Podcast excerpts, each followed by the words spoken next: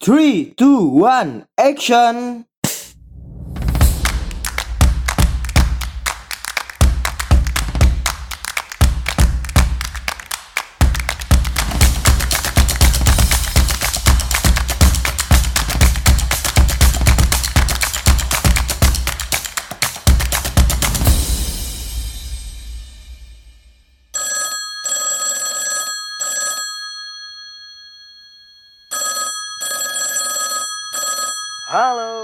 Datang kembali di Pod by MA, tentunya di program Anak Komunikasi. Ya, sekarang sudah masuk ke subbab terakhir di pengantar ilmu komunikasi dan sudah banyak sekali yang kita bahas dari awal hingga saat ini sudah hampir bukan sudah hampir ya, tapi sudah lebih dari satu bulan lamanya. Ada pertama kali kita bahas tentang penting gak sih komunikasi, kemudian ada unsur-unsur komunikasi, ada struktur komunikasi, ada model-model komunikasi, ada fungsi dari komunikasi itu sendiri, ada perilaku komunikator dan komunikan, dan pada minggu lalu kita membahas tentang komunikasi verbal. Yang sebenarnya menurut beberapa peneliti-peneliti kontemporer bahwa komunikasi verbal adalah yang membantu komunikasi nonverbal di dalam menjelaskan sebuah makna atau sebuah informasi yang disampaikan kepada komunikan. Nah, pada pertemuan kali ini kita akan membahas tentang komunikasi nonverbal yang juga sama kayak komunikasi verbal itu terbagi menjadi dua sesi ya karena ya cukup banyak ya yang akan dibahas nantinya. Di pertemuan awal ini pada komunikasi nonverbal saya akan menjelaskan secara umum tentang komunikasi nonverbal itu. Entah itu pengertian kemudian fungsi-fungsinya. Nah, nanti di pertemuan kedua saya akan menjelaskan secara detail tentang klasifikasi dari komunikasi nonverbal. Yang pertama, ini kita membahas tentang komunikasi nonverbal secara umum. Kita mempersepsi manusia tidak hanya lewat bahasa verbalnya. Bagaimana bahasanya? Bahasanya itu bisa halus, bisa kasar, atau ada juga bahasa yang intelektual, mampu berbahasa asing, dan sebagainya.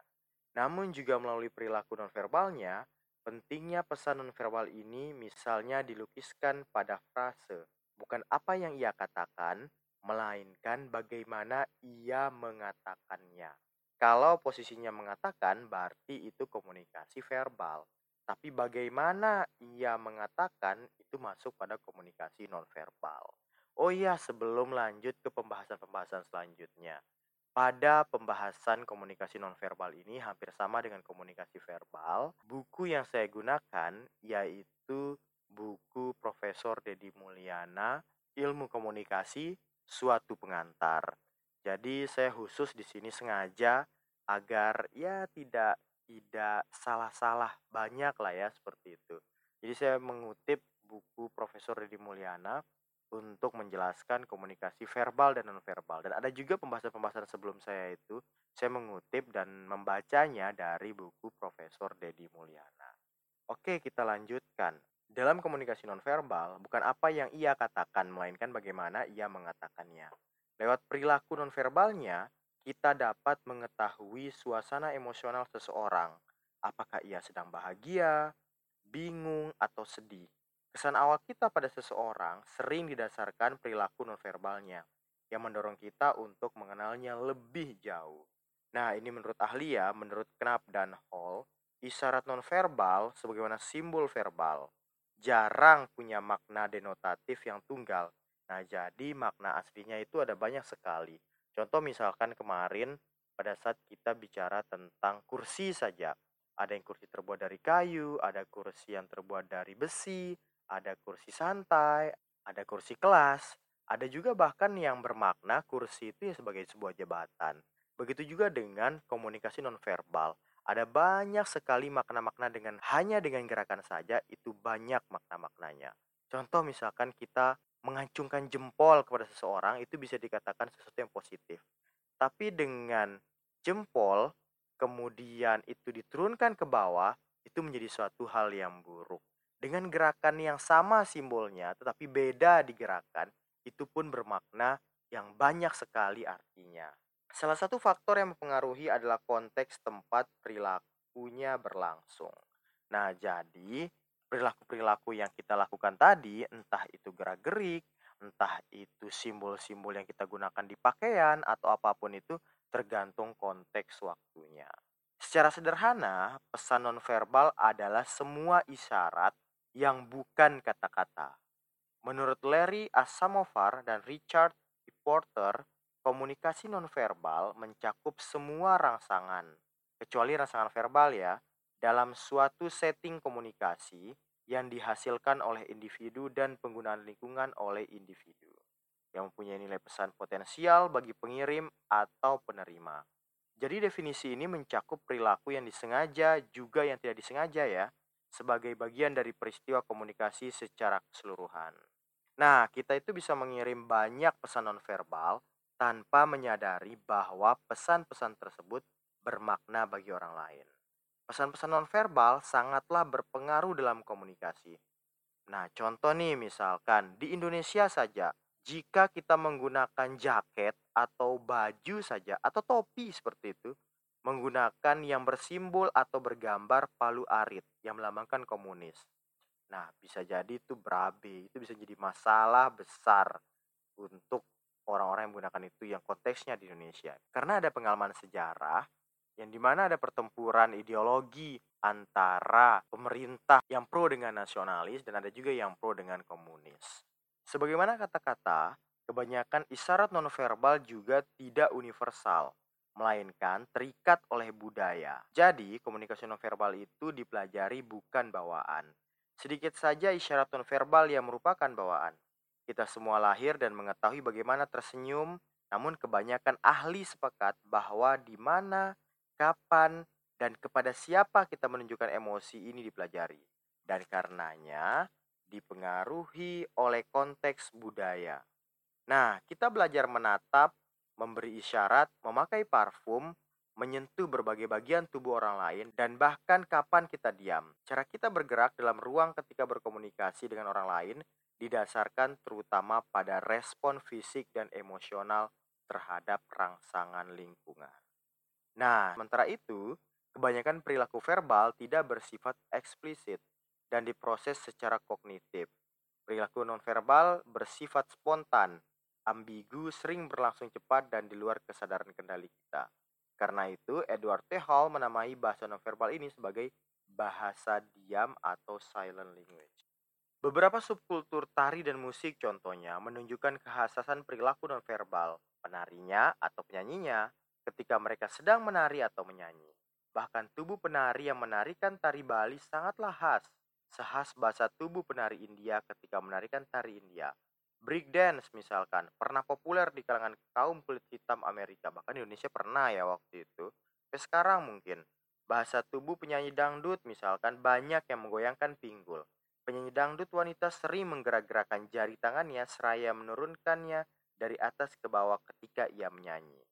Paling khas adalah goyang ngebor. Ini contohnya ya Idul Daratista yang ngetop dalam dekade pertama abad ke-21 Beberapa penyanyi dunia bahkan terkenal dengan bahasa tubuhnya yang khas. Seperti contohnya, penyanyi dan bintang film John Travolta atau yang sangat sering sekali orang meniru sampai saat ini, yaitu Michael Jackson dengan tariannya yang dari biasanya mereka maju, kemudian mundur, selayaknya tidak menyentuh tanah seperti itu. Nah, selanjutnya kita akan menjelaskan tentang fungsi komunikasi nonverbal. Meskipun secara teoritis komunikasi nonverbal dapat dipisahkan dari komunikasi verbal, namun dalam kenyataannya kedua jenis komunikasi itu jalin menjalin dalam komunikasi tatap muka sehari-hari. Sebagian ahli berpendapat terlalu mengada-ngada membedakan kedua jenis komunikasi ini. Dalam bahasa tanda untuk kaum tunarungu, gerakan tangannya juga digunakan sebenarnya bersifat linguistik atau verbal. Ya memang karena beberapa gerakan-gerakan dilakukan itu semata-mata untuk menyuarakan apa yang mereka sampaikan. yang nantinya itu diartikan dalam bahasa verbal juga. Nah, dalam komunikasi ujaran, rangsangan verbal dan rangsangan nonverbal itu hampir selalu berlangsung bersama-sama dalam kombinasi. Kedua jenis rangsangan itu diinterpretasikan bersama-sama oleh penerima pesan.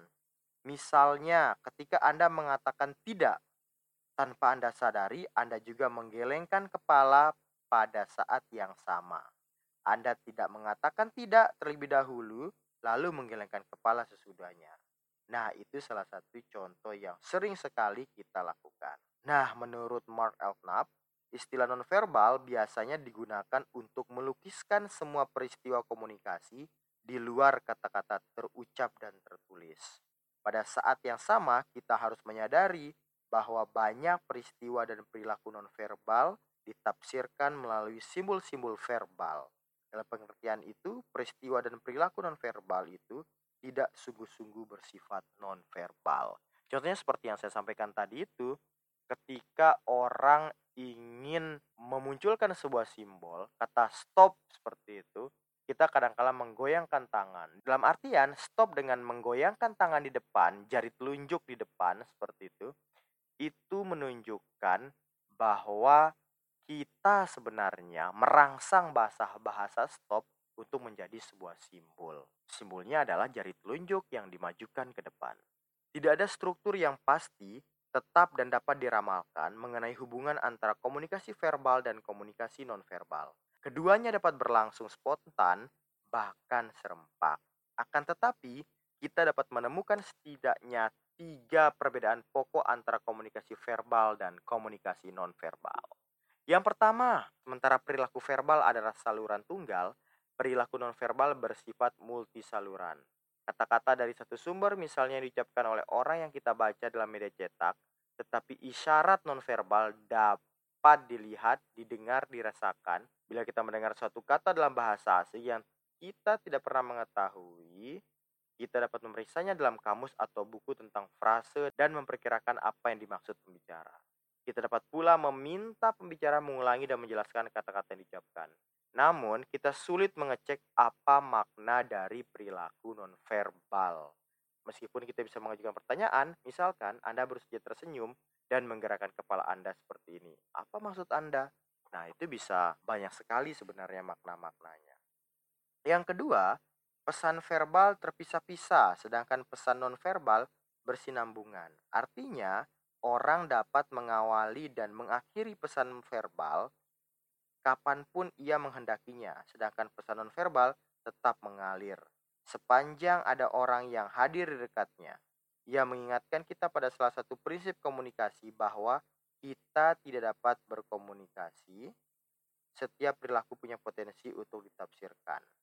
Jadi meskipun Anda dapat menutup saluran linguistik Anda untuk berkomunikasi dengan menolak berbicara atau menulis, Anda tidak mungkin menolak berperilaku nonverbal.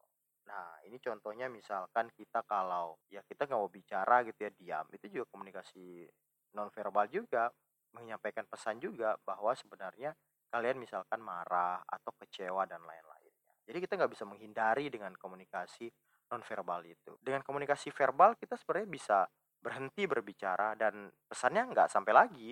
Tapi dengan komunikasi nonverbal kita diam saja itu ada maknanya. Kita menggunakan pakaian yang ada jenisnya dan itu tempatnya berbeda seperti itu itu bisa ditafsirkan. Contoh misalkan jarang sekali bahkan mungkin apa ya hmm, tidak pernah ada orang misalkan pergi ke mall itu menggunakan piyama. Jadi padahal tidak ada aturan khusus sebenarnya untuk menggunakan piyama di mall atau menggunakan pakaian yang seperti apa, tapi itu semacam kayak peraturan tidak tertulis yang dilakukan oleh masyarakat ketika ingin bepergian di tempat umum, kemudian di situ tempatnya ramai dan kadang-kala orang memamerkan pakaian-pakaiannya jadi sangat tidak lazim menggunakan piyama misalkan saat pergi ke mall. Sehingga itulah yang dimaksud dengan kita tidak bisa menghindari komunikasi nonverbal. Bahwa dalam segala perilaku kita, pakaian kita itu menghadirkan makna. Dan perbedaan ketiga adalah komunikasi nonverbal mengandung lebih banyak muatan emosional daripada komunikasi verbal. Sementara kata-kata umumnya digunakan untuk menyampaikan fakta, pengetahuan, atau keadaan, pesan nonverbal lebih potensial untuk menyatakan perasaan seseorang yang terdalam sekalipun, seperti rasa sayang atau rasa sedih. Contoh misalkan ketika kita mengeluarkan air mata, atau kita cemberut, atau kita itu tiba-tiba ngambek kayak gitu kan. Itu kan tidak mengeluarkan suara, tapi dengan gerakan-gerakan itu kita sudah menyampaikan sebuah pesan dan informasi kepada orang lain. Dan yang selanjutnya ini adalah pengantar untuk pembahasan yang kedua pada pertemuan selanjutnya kita jelaskan, yaitu klasifikasi pesan nonverbal. Menurut R.L. Birtwistle, 65% dari komunikasi tatap muka adalah nonverbal. Sementara menurut Albert Mehrabian, 93% dari semua makna sosial dalam komunikasi tatap muka diperoleh dari isyarat-isyarat nonverbal. Dalam pandangan Bert Wistel, kita sebenarnya mampu mengucapkan ribuan suara vokal dan wajah kita dapat menciptakan 250 ribu ekspresi yang berbeda. Secara keseluruhan, seperti dikemukakan para pakar, kita dapat menciptakan sebanyak 700 ribu isyarat fisik yang terpisah. Demikian banyak sehingga upaya untuk mengumpulkannya akan menimbulkan frustasi. Seperti bahasa verbal, bahasa nonverbal suatu kelompok orang juga tidak kalah rumitnya. Bila kelompok-kelompok budaya yang memiliki sandi nonverbal yang berbeda ini berinteraksi, fenomena yang terjadi akan semakin rumit. Sekalipun kelompok-kelompok budaya tersebut memahami bahasa verbal yang sama. Perilaku nonverbal kita terima sebagai suatu paket siap pakai dari lingkungan sosial kita, khususnya orang tua. Kita tidak pernah mempersoalkan mengapa kita harus memberi isyarat begini untuk mengatakan sesuatu hal atau isyarat. Begitu untuk mengatakan hal lain. Sebagaimana lambang verbal, asal-usul isyarat nonverbal sulit dilacak. Meskipun ada kalanya kita memperoleh informasi terbatas mengenai hal itu. Berdasarkan kepercayaan agama, sejarah, atau cerita rakyat atau folklore lah disebut. Bila seorang bertanya, mengapa umumnya bangsa berjabatan tangan ketika bertemu, ia mungkin diberi jawaban mengenai zaman ketika orang menggunakan pedang dan bagaimana orang mengulurkan tangan kanan kosong tidak memegang pedang ya kepada tamu untuk menunjukkan keramahan. Anda juga boleh jadi mendapatkan jawaban bahwa alasan mengapa orang Cina atau orang Jepang membungkuk di depan atasan mereka adalah sebagai tata krama lama seorang bawahan yang menawarkan kepalanya kepada atasannya untuk dipenggal bila atasannya itu menghendaki. Jadi ada banyak sekali simbol-simbol, perilaku-perilaku, gerakan-gerakan yang kita lakukan. Kita sebenarnya tidak tahu maknanya apa, tapi itu menjadi sebuah simbol turun-temurun, bahkan itu menjadi sebuah rahasia kenapa kita melakukannya. Nah, kita tapi tetap saja melakukannya ya, karena itu dipandang sebagai perilaku-perilaku positif. Ada gerakan-gerakan yang positif, ada gerakan-gerakan yang negatif, tentunya itu penilaian dari subkultur masing-masing masyarakat. Kita dapat mengklasifikasikan pesan-pesan nonverbal ini dengan berbagai cara. Jurgen Russes mengklasifikasikan isyarat nonverbal menjadi tiga bagian. Pertama, bahasa tanda atau sign language ancungan jempol untuk menumpang mobil secara gratis, bahkan isyarat tunarungu. Kedua, bahasa tindakan atau action language. Semua gerakan tubuh yang tidak digunakan secara eksklusif untuk memberikan sinyal, misalnya berjalan. Dan yang ketiga, bahasa objek atau object language. Pertunjukan benda, pakaian, dan lambang nonverbal bersifat publik lainnya, seperti ukuran ruangan, bendera, gambar atau lukisan, musik misalnya, kayak marching band, itu ada makna-maknanya, kapan harus dimainkan. Dan sebagaimana baiknya secara sengaja ataupun tidak. Secara garis besar, Larry Asamoah dan Richard E. Porter membagi pesan-pesan nonverbal menjadi dua kategori besar, yakni yang pertama, perilaku yang terdiri dari penampilan dan pakaian, gerakan dan postur tubuh ekspresi wajah, kontak mata, sentuhan, bau-bauan, dan para bahasa. Kedua, ruang waktu dan diam. Klasifikasi Samovar dan Porter ini sejajar dengan klasifikasi John Erwin Burke dan William W. Wilmot, yakni isyarat-isyarat nonverbal atau perilaku dan isyarat-isyarat nonverbal bersifat publik seperti ukuran ruangan dan faktor-faktor situasional lainnya. Meskipun tidak menggunakan pengkategorian di atas, kita akan membahas berbagai jenis pesan nonverbal yang kita anggap penting, mulai dari pesan nonverbal yang bersifat perilaku hingga pesan nonverbal yang terdapat dalam lingkungan kita pada pertemuan selanjutnya. Oke, para pendengar Code by MA, kita sudah menjelaskan awal tentang komunikasi nonverbal, yang pada hakikatnya adalah komunikasi yang non-lisan, tetapi karena beda tempat, beda konteks waktu, beda stylenya, kadang dari simbol-simbol yang kita berikan itu memiliki makna yang berbeda juga di beberapa tempat. Sebenarnya sama seperti komunikasi verbal ya, jadi bahasa-bahasa itu beda konteks, beda waktu, beda orang, beda logat. Kalau komunikasi verbal itu maka beda juga pemahamannya. Jadi menarik kita pada saat membahas komunikasi verbal dan nonverbal yang dalam artian ini perlu sekali pahami agar mengurangi miskomunikasi bahkan diskomunikasi pada saat kita ingin menyampaikan sebuah informasi. Oke pendengar Pod by MA, pada pertemuan selanjutnya, kita akan mendetailkan lagi penjelasan tentang klasifikasi pesan nonverbal. Tentunya tetap di program Anak Komunikasi. Sampai bertemu lagi dan tetap mendengarkan Pod by MA. You.